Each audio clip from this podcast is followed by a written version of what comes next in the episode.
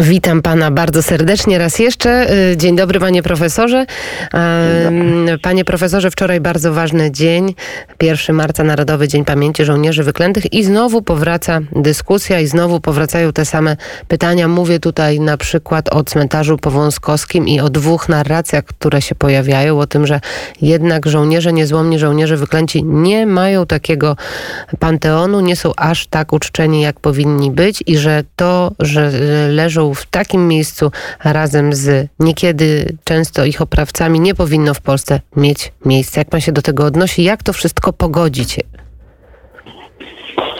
Myślę, że wczorajsze święto, piękne święto poświęcone żołnierzom wyklętym jest dobrą sytuacją, aby zadawać pytanie o właściwe uhonorowanie żołnierzy wyklętych. Jeżeli bowiem mamy taką oto sytuację, że w Warszawie na cmentarzu, cmentarzu pomoskowskim wojskowym znana jest kwatera, gdzie w latach 40. i 50. komuniści grzebali ofiary systemu komunistycznego, w tym żołnierzy wyklętych. Jeżeli wiemy, że w latach 2012-2017 Instytut Pamięci Narodowej przeprowadził wszystkie prace ekshumacyjne na tym terenie, wydobywając, wydobywając szczątki wszystkich e, e, ofiar systemu komunistycznego tam pogrzebanych.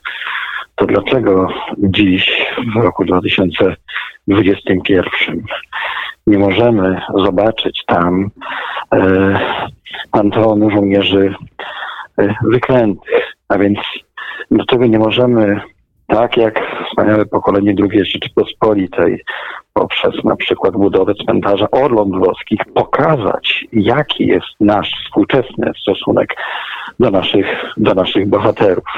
Bo przecież konstrukcja, która stoi na łączce jako taka nie może być e, uznana za godne upamiętnienie dla żołnierzy wyklętych. Możemy mówić co najwyżej o przejściowej konstrukcji, gdzie przechowywane są e, trumienki ze szczątkami naszych bohaterów.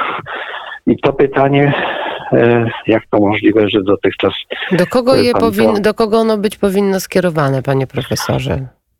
Do nas wszystkich e, tak naprawdę, e, bo to w jaki sposób honorujemy bohaterów świadczy o tym e, nie kim oni byli, tylko jacy my jesteśmy, skoro nie potrafimy ich w godny sposób uhonorować. Instytut Pamięci Narodowej od e, lat e, czyni starania, żeby e, powstał właściwe upamiętnienie, właściwy panteon na łączce. Niestety w tych naszych działań wciąż natrafiamy na różnego rodzaju ściany i utrudnienia i nie jest to czas, żeby poszczególne osoby instytucje, które nie rozumieją wielkości zadania, przed którym stoimy, wymieniać.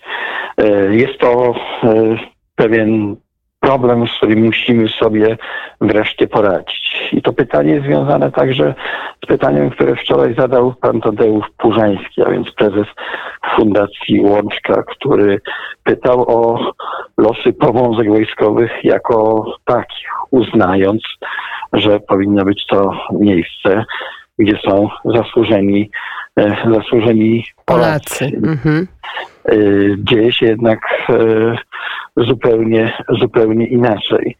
W miejscach tych najważniejszych, w miejscach centralnych mamy ciągle do czynienia z reliktami komunizmu. I ta sytuacja trwa od lat. Sądzę, że ten szczególny czas powinien być okazją do tego, żeby takie pytania padały i żeby na nie postarać się sobie e, odpowiedzieć. Jeżeli bohaterem są żołnierze wykręci, to o tym, że bohaterem nie może być także Bierut, który wydawał czy podpisywał wyroki śmierci dla tych, dla tych żołnierzy. Każde państwo określa hierarchię wartości, określa kto jest bohaterem, a kto nim nie jest.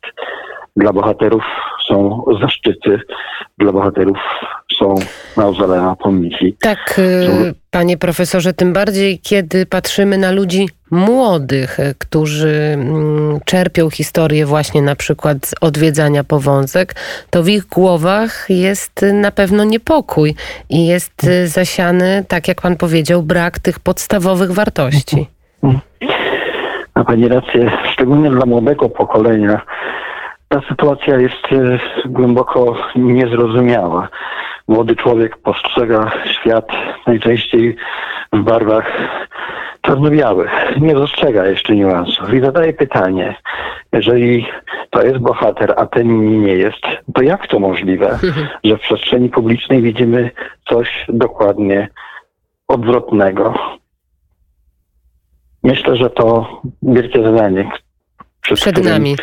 Tak, to jest zadanie przed wszystkimi nami, także przed dobrą zmianą, bo ta dobra zmiana wielkimi literami zapisana, te dobro raczej też w tych aspektach powinna nieść. Panie profesorze, jeszcze zapytam się o ten wymiar e, historyczny. Dzisiaj 2 marca to już mniej pamiętana data, ale Kazimierz, e, ale Stanisław Kasznica, ostatni komendant NSZ, a także Lech Karol Neyman, y, pseudonim Butrym, to te postaci, które dzisiaj właśnie 2 y, marca, y, jeżeli chodzi o 47 rok, właśnie zostały skazane i potraktowane niestety tak jak większość naszych bohaterów w tamtym czasie.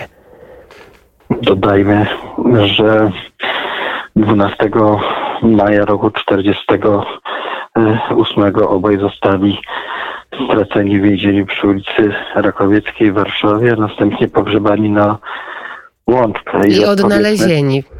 I odnalezieni i zidentyfikowani. Pamiętam i zawsze będę pamiętał to miejsce, gdzie ich odnaleźliśmy. Pamiętam ten e, dzień. W tym dole były szczątki trzech e, mężczyzn w nieprawdopodobnie dramatycznym mm, układzie. E, a to jest data również symboliczna z tego powodu, że dwa tygodnie później, 25 maja 1948 roku, w tymże samym więzieniu przy Rakowieckiej komuniści e, uśmiercili rotmistrza Witolda Pileckiego. Mhm. A więc nasi wspaniali oficerowie, nasi wspaniali e, uczestnicy walki z systemem komunistycznym zginęli w, w bardzo krótkim odstępie czasu od siebie i wierzymy, że gdzieś blisko siebie także zostali mm, Pochowani. pogrzebani. Dziś mamy już za sobą na szczęście ten dzień, kiedy ogłosiliśmy e, wszystkim Polakom, że szczątki pana e, pułkownika Kasznicy i Lecha zostały odnalezione i zidentyfikowane. Wierzymy także, że będziemy mogli ogłosić jeszcze ten, tą wiadomość, kiedy pan rotmistrz zostanie odnaleziony i zidentyfikowany.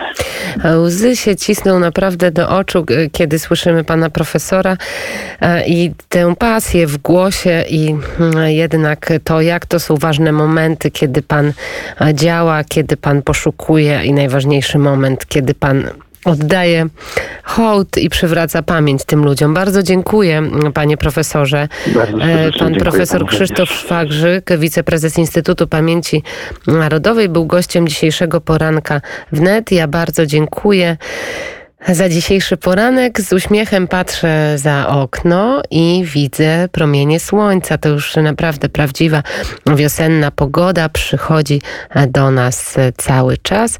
E, Helenka Gruszewska dzisiejszy poranek wydała, Aleksander Zaleski dzisiejszy poranek zrealizował. Po raz pierwszy razem jesteśmy w takim składzie. Bardzo Państwu dziękuję i życzę pięknego dnia.